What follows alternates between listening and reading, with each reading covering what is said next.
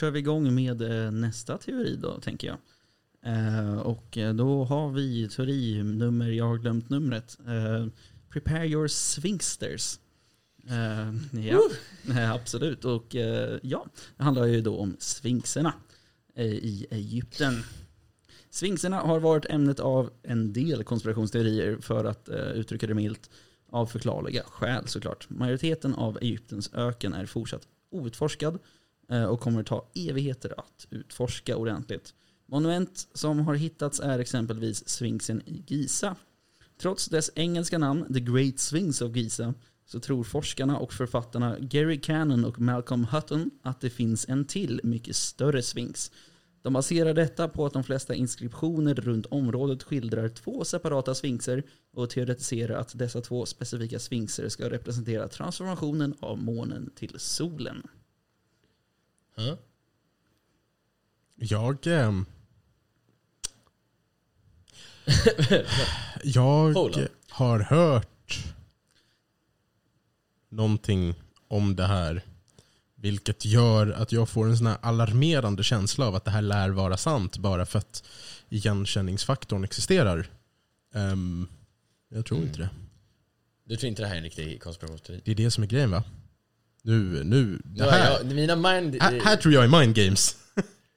Oh my god. Okej, kan du ta om själva liksom premissen av teorin? Prem- Premissen av teorin är att det finns en till sphinx som är större än The Great Sphinx of Giza. Alltså den ökända Ja, sphinxen i Exakt, Giza. den största liksom. Och den, att som ska vara ihopparad liksom, med eh, The Great Sphinx of Giza. Eh, Och, och vad fan skulle den vara? I Ja, då- öknen. Teorin i sig uttrycker att den ska vara typ eh, begravd under sand eller något sånt där. Ja, liksom. ja, Jaha, så de har inte hittat en till Ja. sphinx? Nej. Nej, alltså Nej, det, då har det, det- då teorin varit- är att då det har ska varit- finnas en. Liksom. Då hade jag ju bara så, ja men då så, då skulle Ja, men, men då att hade det inte varit en konspirationsteori, då hade det varit fakta. Ja, Då hade det varit en teori också. För det är ju fortfarande inte bevisat. Om vi, om vi bortser från semantiken kring vad en teori är. Är verkligen all sand i Egypten så outforskad? Jag säger så här, Kasper hittar på det här. Jag tror också att Kasper har hittat på det här. Ja, det här känns bull alltså. Nej, jag, t- ja, jag tror att jag har hittat på det här. Okej, jag tar det som definitiva svar. Ni Ja. har alla fel. Men Det har teoretiserats väldigt starkt kring att det finns eh, många outforskade monument eh, i allmänhet. Eh, för att eh, det är en sån gigantisk del av Egyptens öken som är faktiskt outforskad.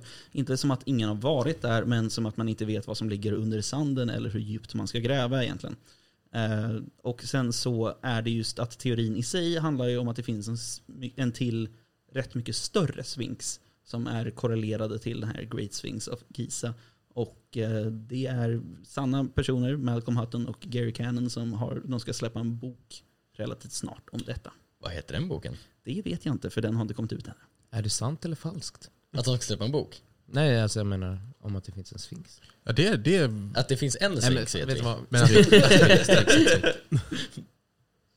Någon som har varit där? i, I Giza? Mm. Inte än tyvärr. Nej, en dag kanske. Nope. Men Okej, eh, ja. icke. Okej, men eh, den, den tog ju en del offer. Men jag har spelat Assassin's Creed. Åh! Där kan man klättra på sphinxen. Han har varit där virtuellt. Ja, precis. Mm.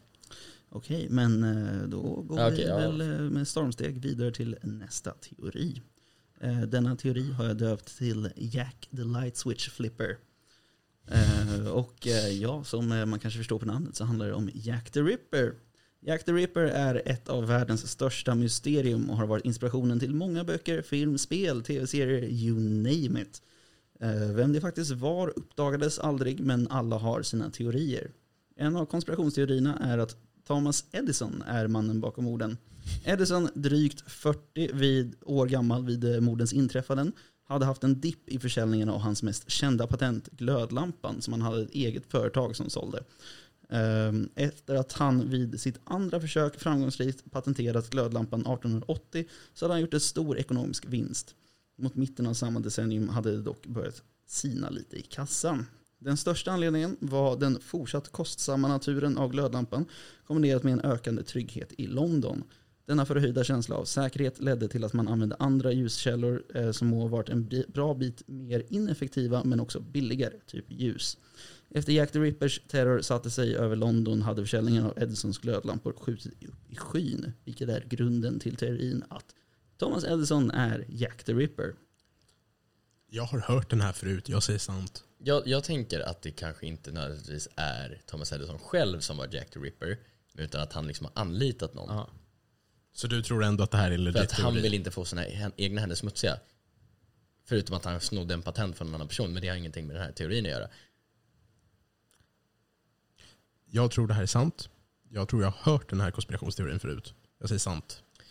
Jag tror inte han personligen var Jack the Ripper. Men det är inte det du ska spekulera Nej, i. Jag, tror, att han, nej, jag tror nej. att han var Jack the Rip-Off. Men, men det, Ahaha. ja, Sorry. Oh Men, my men okej, men så det jag menar är att jag tror inte det är en riktig konspirationsteori, för jag tror att han har förvrängt den lite granna.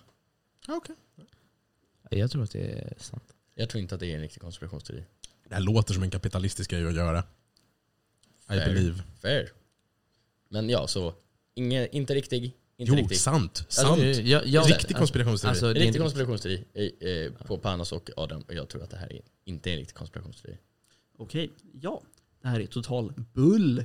Ehm, ja, nej, det är den mest populära konspirationsteorin kring Thomas, eller förlåt, eh, kring eh, Jack the Rippers eh, sanna identitet är Sir Arthur Conan Doyle, författaren bakom Sherlock Holmes-verken. Mm. Och då är det ju att han skulle skapa lite drama i London för att öka försäljningen av hans böcker som utspelar sig kring liknande ämnen.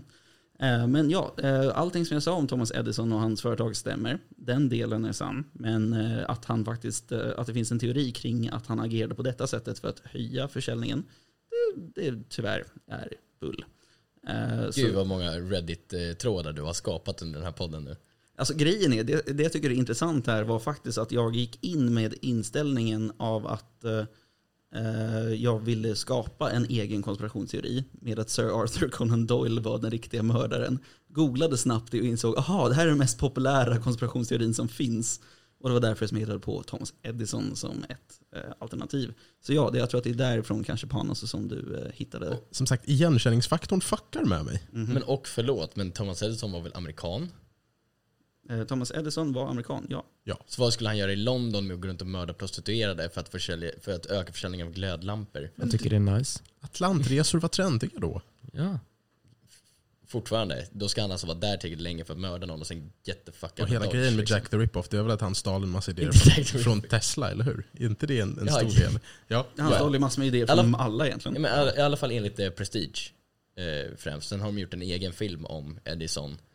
Eh, där liksom det är hans historia om hur han stjäl glödlampan och jada jada. Precis, han har inte stulit massa grejer från, han har stulit från Graham Bell, han har stulit från eh, Nikola Tesla. Alltså det är så här, The list Okej. goes on och det mesta är bekräftat faktiskt. Graham Bell-grejen är fortfarande diskuterbart i, på ett annat sätt. Att Ja. det, det finns ju typ tre pers som är creddade med telefonen. ja ja, ja. ja. Ja, telefonen är det är en helt annan historia om man säger så. Den har Graham Bell är mest lukrativ just för att han heter Bell. Ja. Eh, Men ja, eh, då har vi väl en till teori. Eh, Denna teori har jag döpt till A Hollow Hypothesis. Eh, Och då är det egentligen... eh, Jävla minerna alltså. Hollow Hypothesis. Tap, tap, tap. Ehm, I alla fall, Flat Earthers får egentligen all uppmärksamhet i dagsläget med absurditeten i deras teori och att de trots det samlat en oroande stor mängd anhängare. En hipster som jag nöjer mig dock inte med detta. Denna teori är inte om en platt planet utan om en ihålig planet. Edmund Halley, som är mest känd för att ha en komet döpt efter sig, kom fram till detta bara är rimligt på grund av jordens föränderliga magnetism. Eh, det var inget Edmund själv teoretiserade kring, men flera har fortsatt teorin. Eh, Vissa tror exempelvis att en civilisation där en mer avancerad ras bor existerar inuti jorden. Så teorin i sig är att eh, jorden är ihålig till viss del och att det finns en civilisation som bor där. Det finns Simpsons-avsnitt om The Mole People. Ja. Det finns, en, det finns film baserad på Jules Verne-boken om resan till jordens ände. Där det finns en massa levande saker inne i jorden. Det här är ett återkommande moment. Ja, och i... Eh, det var inget. Jag glömde det. Du höll på att säga, och i ren Kasper-anda har han mindfuckat Ja, oss. det var precis det. Men jag, jag tänkte på filmen Atlantis där det är typ en mole person med i den tecknade Disney-filmen. Ja. Ja. Ja. Men ja. Saken är också, det som jag känner så här några öl in, att det blir sjukt svårt för mig. Alltså jag måste påminna själv om att vi diskuterar inte om att själva teorin är sann eller inte, utan har Ifall han Kasper hittat eh, på det precis, här vad eller har inte. Kasper hittat på eller inte? Jag känner, har Kasper hittat på det här? Precis, likt Inception behöver du en liten sån här snurra för att veta om du... vet. Where am I? Reality check. Ehm, Jag, eh, jag skulle fan eh, vilja tro att det här är en riktig konspirationsteori. Han, han börjar namedroppa igen och då blir jag så här, då tänker jag att han har hittat på det här. Jag, har, jag har börjat ha, jag, jag har börjat bli trött på att ha fel. Men jag tror också det här är en riktig konspirationsteori.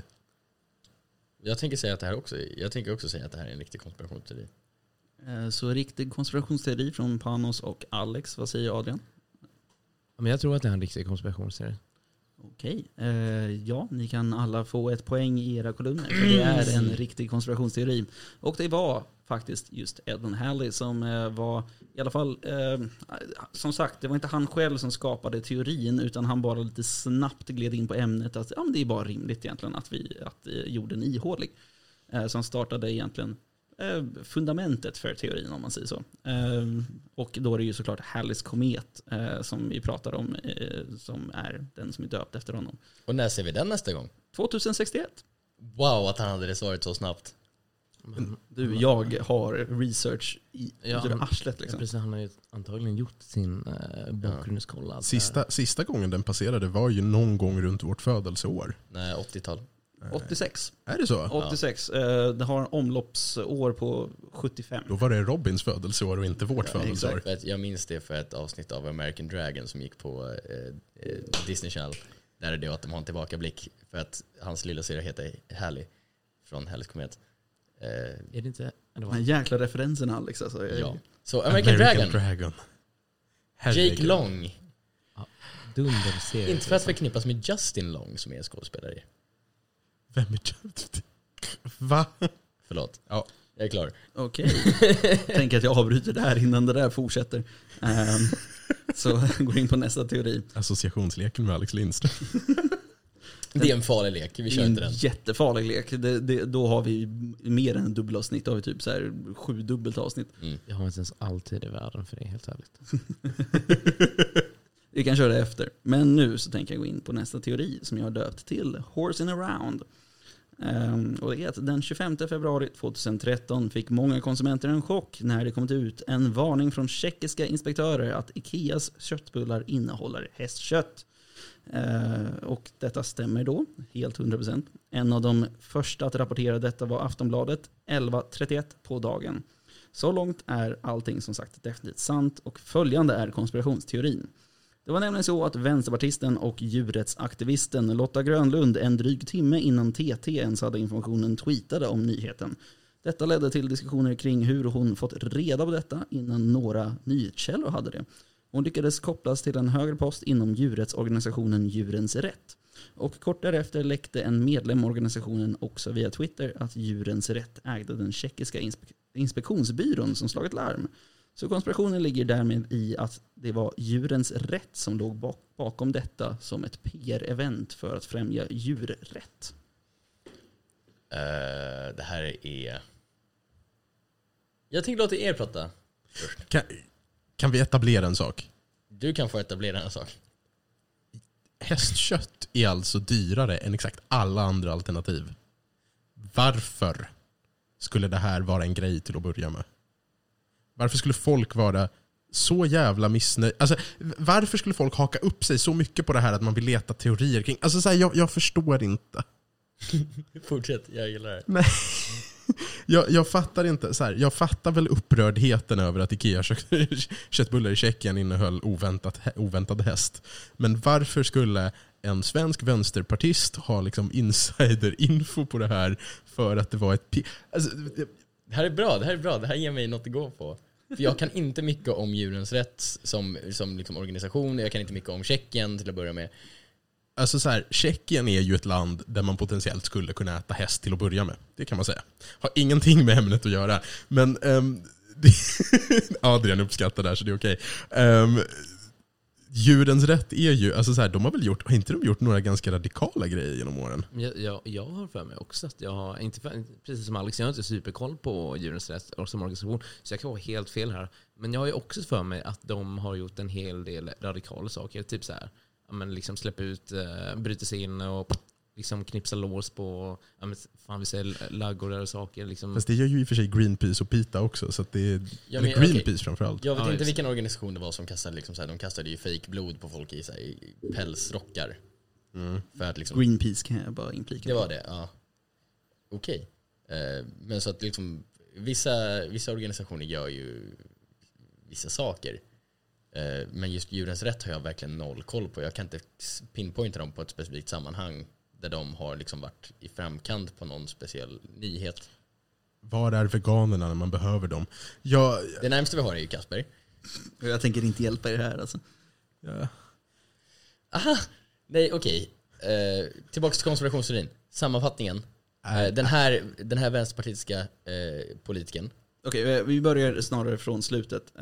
Konspirationsteorin ligger i att Djurens Rätt faktiskt ägde den här tjeckiska inspektörsbyrån och eh, gjorde hela grejen med alarmet och allting som ett PR-stunt. De äger den tjeckiska inspektionsbyrån. och nyheten om hästköttbullarna var bara ett PR-stunt. Så, och, och inte nödvändigtvis sant. I Exakt. den här teorin. I den här teorin. Okej. Eh, jag tänker säga att det här är en sann konspirationsteori. Jag säger att det är påhittat. Jag vill Ja. faktiskt också säga att det är Nej, påhittat. jag, jag tycker att det här, nej det här är påhittat tycker Jag jag. säga att det är sant. Jag tror att Kasper har hittat på det här. Okej. Falskt, falskt, sant. Ja, och eh, det är faktiskt eh, Alex som får eh, ta sig på huvudet. Ja. Nej, för han hade fel. Så fel. Jag menar det. Jag Ja, vi menar hade det. rätt. Ja. Det är en falsk grej som jag hittade på. Det finns en del Lotta Grönlunds i landet, antar jag. Den researchen glömde jag faktiskt att göra. Men Lotta Grönlund är en påhittad person.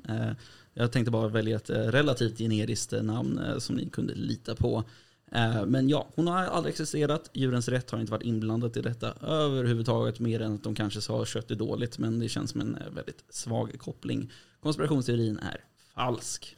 Jag har hittat på denna. Mm. Och nu står det sex poäng lika mellan oss tre. Åh jäklar, jag hade inte ens tänkt på det. Oj, oj.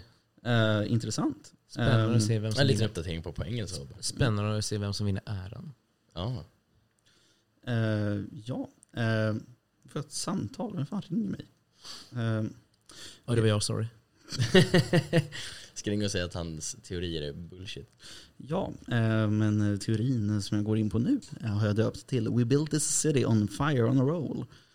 Eh, inspirerat av eh, Jefferson Starships eh, hit. Men ja, teorin i sig är att år 1962 så skulle staden Centralia i Pennsylvania bränna upp ett så kallat landfill, en stor skräpdump, för att göra plats för mer skräp helt enkelt. Elden spred sig dock till kolgruvorna under staden och eventuellt fick hela staden evakuerad och elden, elden aldrig slutade. Elden pågår än idag, nästan 60 år senare.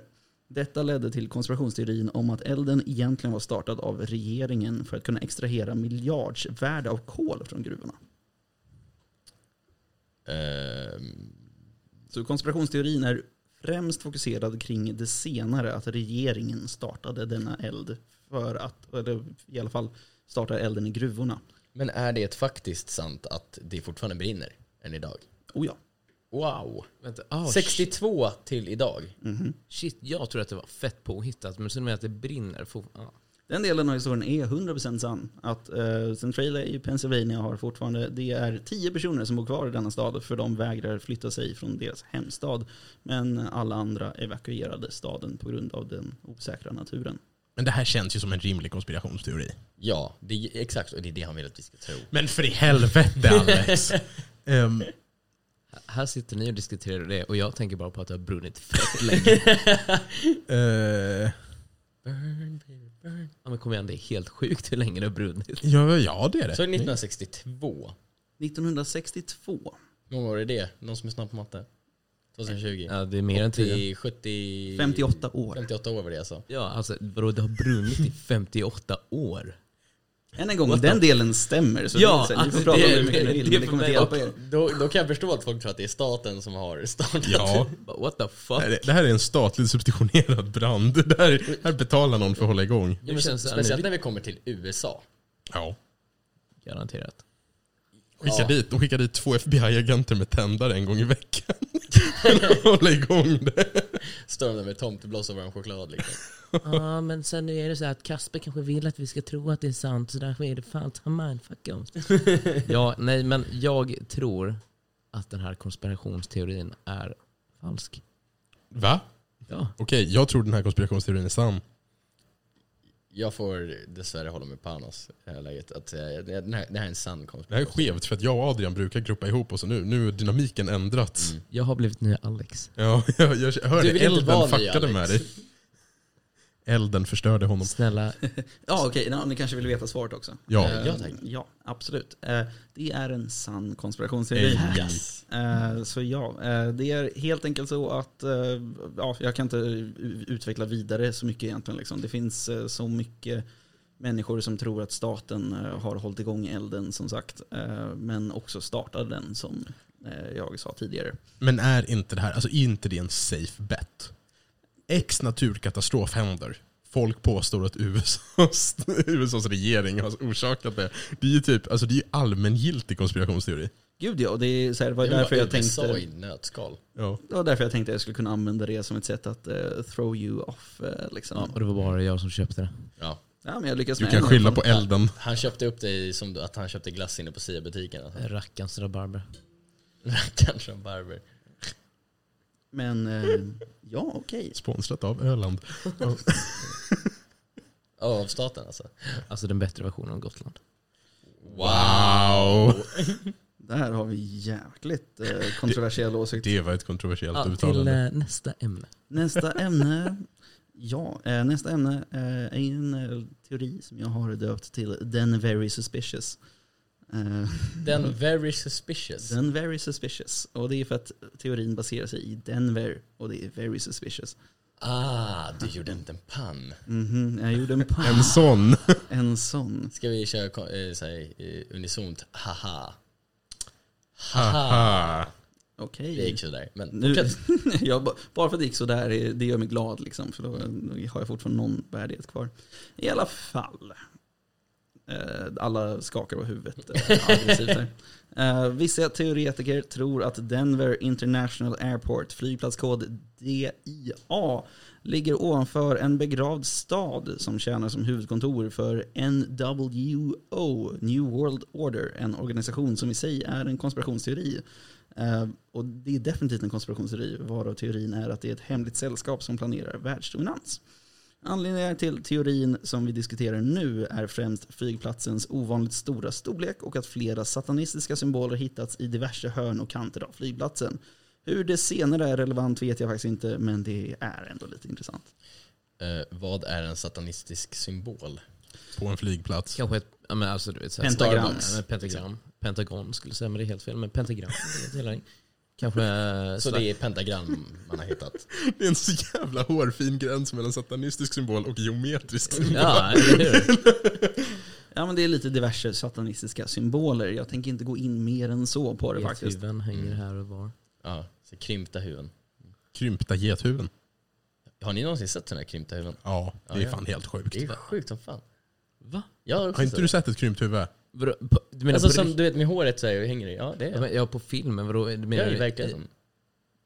Dude, what the fuck? Nej, vadå? Ni säger det som att det är så här... Men du får lik- se ett krympt huvud. Men ni säger det som att det är lika vanligt som att man har ost i kylskåpet. Har du, inte Har sett du ett- ost i Vadå, Har kylskåpet? inte du sett ett krympt huvud eller? Kasper, har du sett ett krympt huvud? Säg inte, säg inte ja nu för då blir det fan... Då säger jag ingenting. Nej men har du, se- okej, men har du sett ett krympt huvud? Ja. What the fuck, va?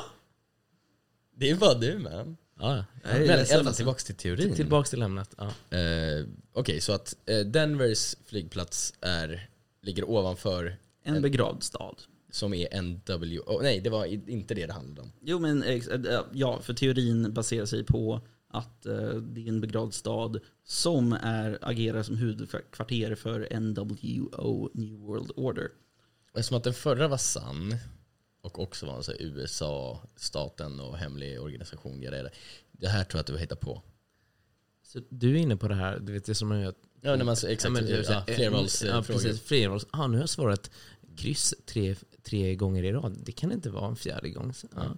jag, eh, jag vill ändå säga att Du hade ju fel på förra, så du har ju bara Ja, allt att förlora. jag, ty- jag har typ haft fel majoriteten av mitt liv, typ i 24 år. Så jag säger, eh, jag säger att det här faktiskt är falskt. Jag tror att det är påhittat. Mm, så vi håller med varandra. Det är en hit, Kasper hittar på det här. Ja, Kasper kan nog ha hittat på det här. Men, så det är ditt slutsvar? Ja, jag håller med. Ja, om man hittade på det där med galiskan och allting, varför skulle man hitta på det här? För det här är alldeles för lätt. Okej, men eh, då har vi eh, tre svar på att jag har hittat på detta. Ja. Ja. Ja, ni har alla fel. Jag är rädd. Eh, Det är en väldigt verklig konspirationsteori om att det finns en slags stad eh, begravd under Denvers flygplats. Eh, Historien började egentligen att det var en, med en man som gick in på en av toaletterna eh, på flygplatsen och hittade ett pentagram inristat.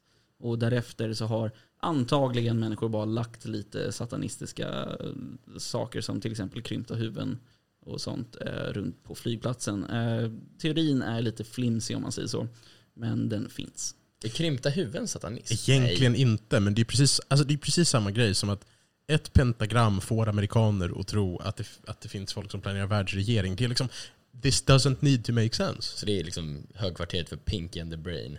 Ja men exakt, typ eh, The Legion of Doom ungefär. What are we going to do today Pinky? Okej, men vänta här. Nej, vet du vad? Skitsamma, vi tar det sen. Klassiskt, vi tar det sen. Nej, men jag kan inte bara släppa det här. Vadå, vart har ni sett krympta huvuden? Eh, jag vill höra er säga det först. Jag har sett krympta huvuden på Instagram. Men Jag det följer- gills ju inte. Jag följer, jag följer en snubbe, ett fantastiskt konto som jag ehm, inte kommer namedroppa för han behöver ge oss pengar för det. Ehm, men han gör eh, lite world tours och fotar den typen av grejer. Eh, och då var det bland annat eh, några så här kulturmuseum i, i Sydostasien som hade verkliga, alltså verkliga liksom, krympta huvuden. Mm. Har du sett ett krympt huvud på nära håll? Ja. Jag också. Ja. Alltså vadå, Kasper har ju ett par hängande. ja nej men alltså, ja, men vadå, på riktigt, va, var? Nej, okej. Min källa är inte så väldigt eh, trovärdig för att det är, den har blivit debunked av bland annat Kasper tidigare. Men det finns ett ställe i London som heter Ripley's Believe It or Not. Oh my god, nej. Tyst! det är inte Jag är inte klar! Ja. De ser väldigt realistiska ut. Och det är krympta huvuden. Sen så vet inte jag om det är riktiga krympta huvuden. Men i så fall, okej han har sett dem via Instagram, det är inte som att han har Men sett det är dem åtminstone ett riktigt jävla krympt huvud. Fast det vet du ju inte, du har ju sett det på Instagram. Okej. Hur krymper okej. man ett huvud ens Hur skulle jag, okej Hur men då har du samma, du har ju samma argument som jag har i det då, att jag har sett ett riktigt krympt huvud. Fast det, det kan ju vara falskt, ja det här kan ju också vara falskt. Inte snarare bara en sån här grej att Rip, det mesta på Ripley's är typ falskt. Ja men de har ju fortfarande riktiga saker också. Ja, okej. Det är ju liksom 50-50, Ah, okej, lite det som är hela, poängen med stället. Kort sagt, jag är den enda som har sett det i verkligheten. Eh, Var Bekräftat. har du sett det? Han har varit överallt. Det har han. Ja. Jo, det var Kap Verde faktiskt. Eh, en eh, liten, ett af, litet afrikanskt land eh, strax utanför Portugal. Och där så var det en liten turistgrej jag gjorde. där jag fick, ja, de visade bland annat krympta huvuden som är en del av någon slags eh, indigenous eh, folkgrej där liksom. Klassisk införingsgrej jag håller på med. Ja, krympta huvuden liksom. Ja. Vad gör du ikväll? Vill du följa med och krympa Ska lite huvud? Men eh, ja, då eh, går Ta vi med oss en box vin och gå och krympa lite skallar. Ja. Vi kan gå vidare till nästa då tänker jag. Eh, och ja, vi kommer även denna gång vara fast i USA. Jag är generellt inte så vänligt inställd när jag pratar om USA så mycket, men när det gäller konspirationsteorier så är det tyvärr där man hittar dem. Liksom. Ja, denna teori uppstod i USA under 60-talet. Eh, och ja, just det. Eh, Titeln jag har hittat eh, till denna är Heli Hell. Eh, och eh, Heli som en förkortning av helikopter då. Eh, ja. Eh, den paleokonservativa organisationen John Birch Society eh, var de första med att sprida teorin som innefattade att de Förenta Nationerna skulle komma med svarta helikoptrar och annektera USA och sätta landet i FNs kontroll. Eh, alltså de Förenta Nationerna. Teorin återvände på 90-talet under Clintons styre men har inte allt för många konkreta detaljer utan det är mest arga högerradikala skrik. Men teorin är denna. Så FN Mhm. ska komma med svarta helikoptrar Ja, väldigt specifikt svarta helikoptrar. Jag vet inte vart det kom från. och ta över USA. exakt. Annektera det i FNs namn. Helt ärligt, jag vet inte ens vad annektera betyder. Ja men ta över, erövra liksom så här. I know fortunate son. Det här, är, det, här är ju, alltså det här är ju sånt högermänniskor skriker om när de vaknar i en kallsvettig mardröm. I USA. Vänta, så, så när FN ska komma och liksom hjälpa några? Nej, inte Nej. hjälpa någon. FN ska bara komma och erövra USA. I svarta I helikoptrar. svarta Exakt. helikoptrar. Teorin är bara att det finns, som sagt det här John Birch Society var organisationen som först eh, rapporterade om att när som helst så kommer FN med svarta helikoptrar. Än en gång vet inte varför det är specifikt svarta helikoptrar, men de skulle komma och annektera USA. Det är coolt. Det är FNs coolt namn. Att det är coolt med svarta helikoptrar. Ja. Det är lite coolt. Ja, det är supercoolt. Är det lika coolt som den rosa helikoptern? Okej, det är en annan sak. Alltså, ja. Men, eh, ja, know, man. alltså återigen, ja. Det är USA. Det här, alltså, det här är så otroligt vagt på något sätt samtidigt som det är väldigt specifikt. För jag tror att han pushar på att det specifikt ska vara svarta helikoptrar för att vi ska fokusera på det snarare än själva teorin. Så jag tror att han har hittat på det här. Just av den, för att han säger det på det här sättet. Som att han låtsas läsa fel på ett galiskt efternamn för att vi ska tro att det är sant. Men ja, sen, sedan återigen så är ju vi i USA och då känner jag, ja, varför inte? Det här kan mycket väl vara sant. Det är säkert någon, det är säkert någon dude eller kvinna som vaknar upp och bara, ja, jag tror på att det här är sant. FN kommer erövra hela USA med svarta helikoptrar. För, för, att, för att det måste finnas något hot mot liksom friheten. Ja, men gud Jesus, varför? Ja. Nej, Precis. jag, jag, jag tänker gå på magkänslan och säga att det här har Kasper hittat på. Jag tror att Kasper inte har hittat på det här utan att det är en sann konspirationsteori. Vad säger Panos till Etofixis? Vet du vad? Jag, jag vill också faktiskt jag vill också säga att det här är hittepå. Okej, så Alex och Panos säger att det hittar på och Adrian säger att det är sant. Jag inte säga Panos. Eller att det är en sann Ja, konspirationsteori. då. vet. ja. Eh, ja, och då kan jag säga att det finns en vinnare och det är Adrian. Nej, nu fan Vad sju satan. lika alltså. Det är en väldigt sann konspirationsteori. Eh, Och den har återkommit som sagt under 90-talet för att Clinton inte var den mest eh, han- folkkära presidenten under eh, flera tillfällen. Och då tänkte de att nu kommer FN fan ingripa liksom. Än en gång högerradikala amerikanska svin. Eh, Ja. Eh, så då antar jag att vi går vidare till nästa helt enkelt. Eh, om ni är redo då. Okej. Ja. Eh, ja. Nästa teori har jag döpt till Straight Hempin. jag hade väldigt roligt med de här namnen. Ja, jag, jag hör det. Eh, men i alla fall, teorin baserar sig kring George Washington som växte en jävla del hampa. Och det är inte ens en del av konspirationsteorin, det stämmer. Hampa var oerhört värdefullt på denna tid eh, som han levde relativt till hur enkelt det var att växa och dess många användningsområden. Nu för tiden är vi mer centrerade kring ett specifikt användningsområde, host host. Eh, det finns inte mycket som pekar på att Washington själv blev high on his own supply då nästan allting istället pekar på att han växte hampan strikt för ekonomisk vinst. Men det mest övertygande argumentet är att han växte större del indisk hampa som var underlägsen den europeiska hampan i princip alla avseenden förutom ett, rekreationellt. Getting high. Eh, kort sagt finns det en chans att de, Förenta staterna, att de Förenta Staternas grundlagsfader målade väggarna gröna, träffade Frans och Abdi, bommade en fuling, suttade, blästade och flummade. Men det ska krävas våld, vilja och vaselin för att tro på teorin med de osammanhängande och få bevisen. Men teorin i sig är då att George Washington var the OG Snoop Dogg. Wow. Okej. Ehm, George smoke a ton snarare. Ja, ehm, Panos blev helt bortslängd av den. eh, hur den här teorin bara kastade av er alla. Vad fan? Ja, wow. Eh, Det, var- jag, tror att det fall, jag tror att det är för att jag la upp det som att George Washington var the OG Snoop Dogg. det, det är inte en mening jag någonsin There's- har planerat höra i mitt liv. There's too much to unpack here. Jag säger kort och gott helt klart, det här måste vara en riktig konspiration.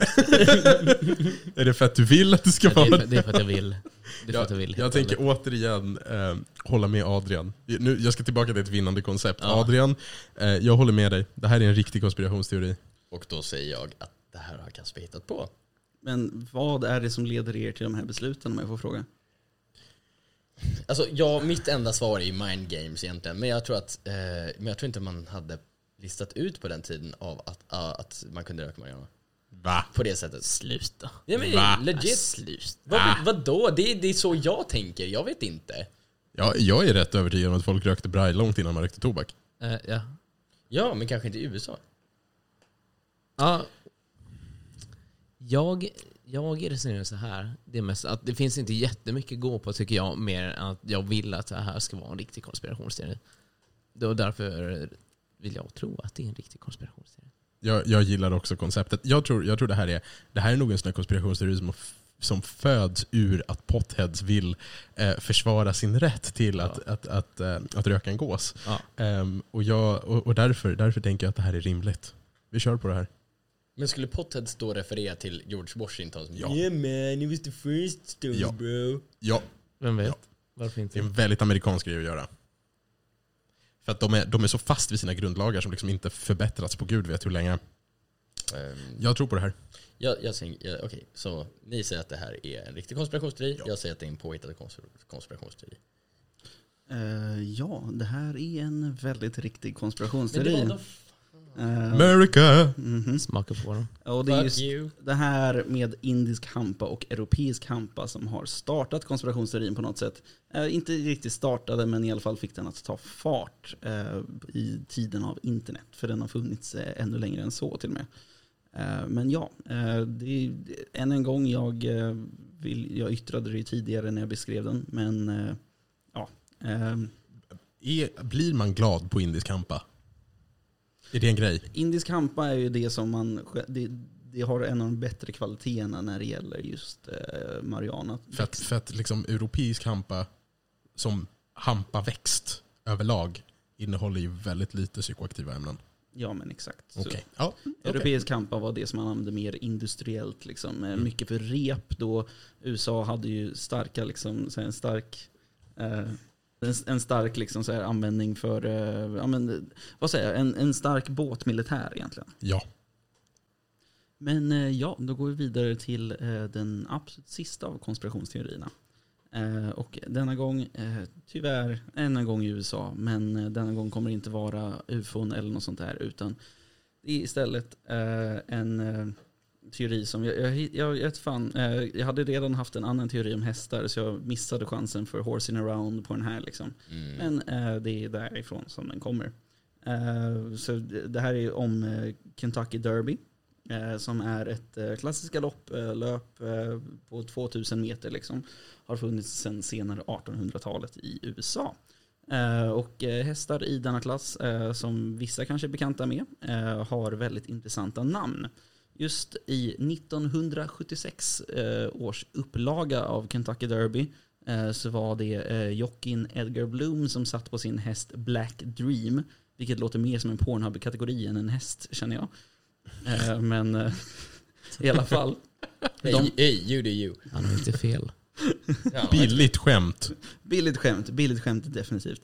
I alla fall med en alltså rent av löjlig överlägsenhet på nästan 200 meter för första gången i världshistorien eh, så vann de loppet. Eh, som sagt, det har aldrig varit en så här överlägsen vinst i historien av Kentucky Derby. Men eh, vinsten bortskrevs helt enkelt. Det här hände inte förrän några dagar efter och man fick aldrig reda på varför. Eh, och då är det egentligen att konspirationsteorin i sig, eh, den bygger från, eh, ska vi se, den bygger från att hästen hade blivit injicerad med en närmast löjlig mängd av kokain. Så att hästen senare vid någon slags dopningskontroll hade blivit påtagen med detta. Så egentligen så var det typ Torsten Flink i hästperson liksom. Inte en sponsor.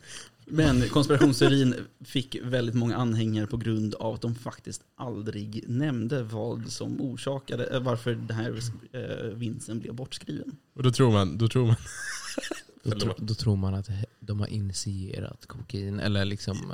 Nej, de tvingar hästen att snorta. Tryck ner hästens mule i några linor. Ja, de dammar upp det. Det är bra. Åh herregud. För övrigt, Torsten Flink är också ett bra namn på en, en galopphäst. Ja. Eller travhäst. Är det verkligen det? Det tycker jag. Jag har hört konstigare namn. Ehm, Är inte det lite halva grejen med att ha...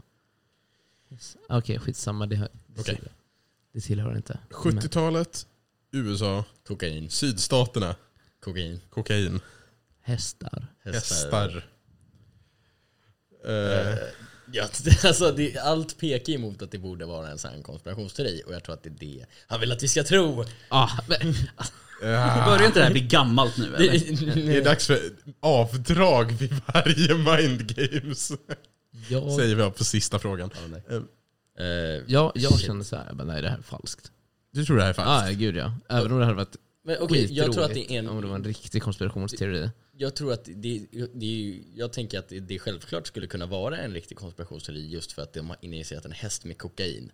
För det låter ens som en grej som en riktigt inhuman människa skulle göra för att Men, vinna the Kentucky Derby för att någon annan har bettat massa pengar på det här loppet.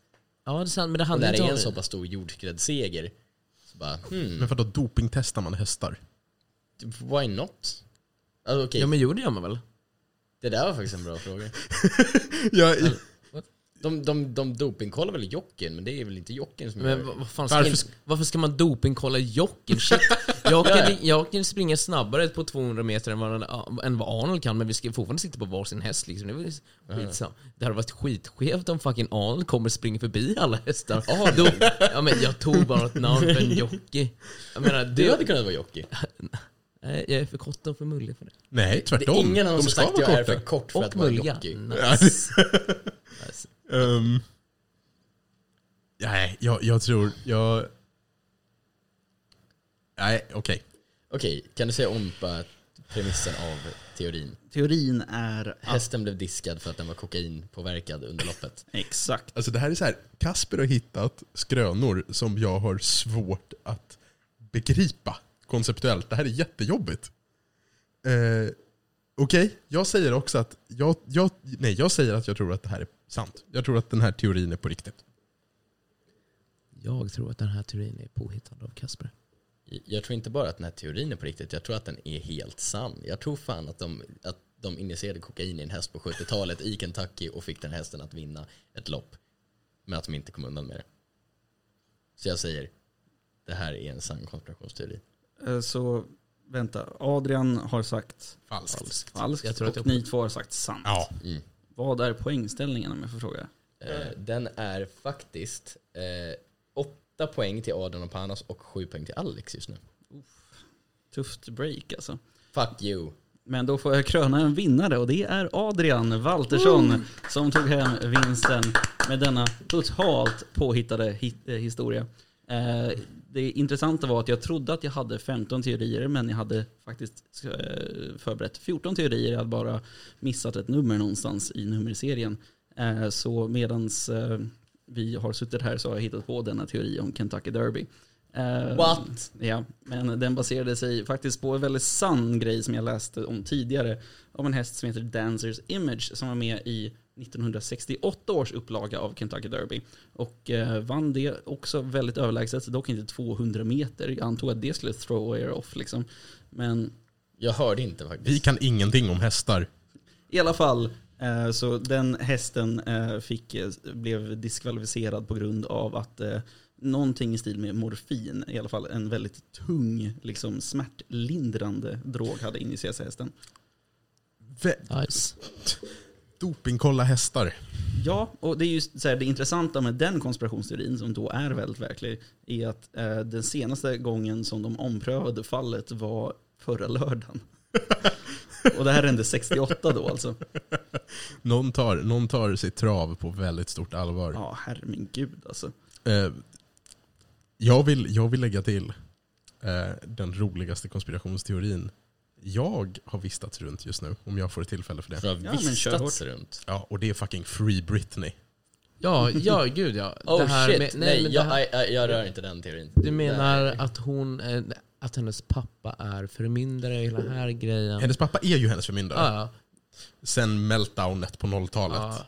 Och folk tror att hon försöker smyga ut meddelanden om att bli räddad Ja, i sina TikToks. TikToks. Ha en gul skjorta på dig om du behöver hjälp. Nästa TikTok-video, hon har en gul skjorta på sig. Alltså, Jag, jag vill bara säga att, eh, för den som kanske inte har hört talas om detta, det här gäller då Britney Spears eh, som eh, Mm. jag gjorde en liten hänvisning till i början av avsnittet. ja.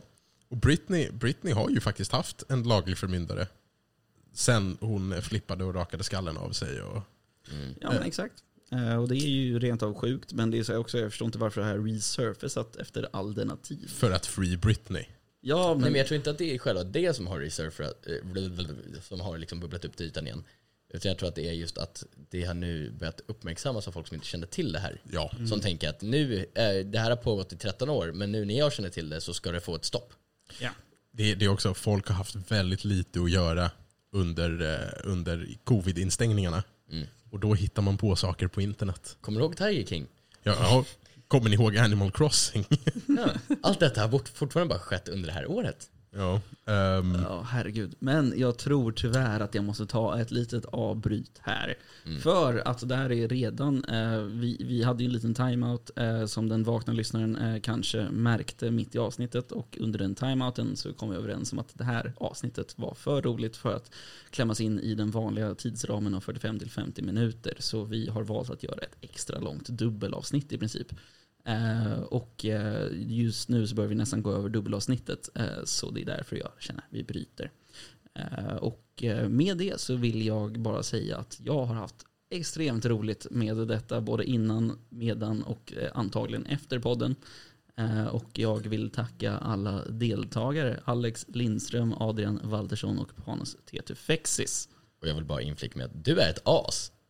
Ja men det vet ju alla. Men du är ett kreativt as. Åh. även, även om den här sessionen nästan gett mig flera liksom, hjärt, hjärnaneurismer så vill jag jättegärna få komma tillbaka och leka med er. Ja, gud, Mm. du eh, har varit en exemplarisk deltagare. Det här kanske blir någonting vi gör i framtiden igen, för konspirationsteorier, det finns inte få, om man säger så. Nej, det är sant faktiskt. Mm. Ja, men det var superkul. Supernice. Supernice. Superfräscht. Superfast. Det är roligt att vara, så, vara med i podcast och så. Där har vi det! Det jag Alltså, väntade alltså på. helt ärligt, jag, fucking, nej jag låter inte sådär. Jag låter inte så. Jag låter inte sådär. Alltså, jag har suttit här i typ två timmar i denna liksom varma poddstudio och väntat på din imitation av Adrian. Liksom. Då, det är inte som att... Du bara sitter och mumlar lite på smart. Alltså, för det är så här, jag sitta och mumla för mig själv så jävla alkis på så bara. strömbanan. Det kanske lät som en och samma person, men det var faktiskt Adrian och Alex som pratade samtidigt.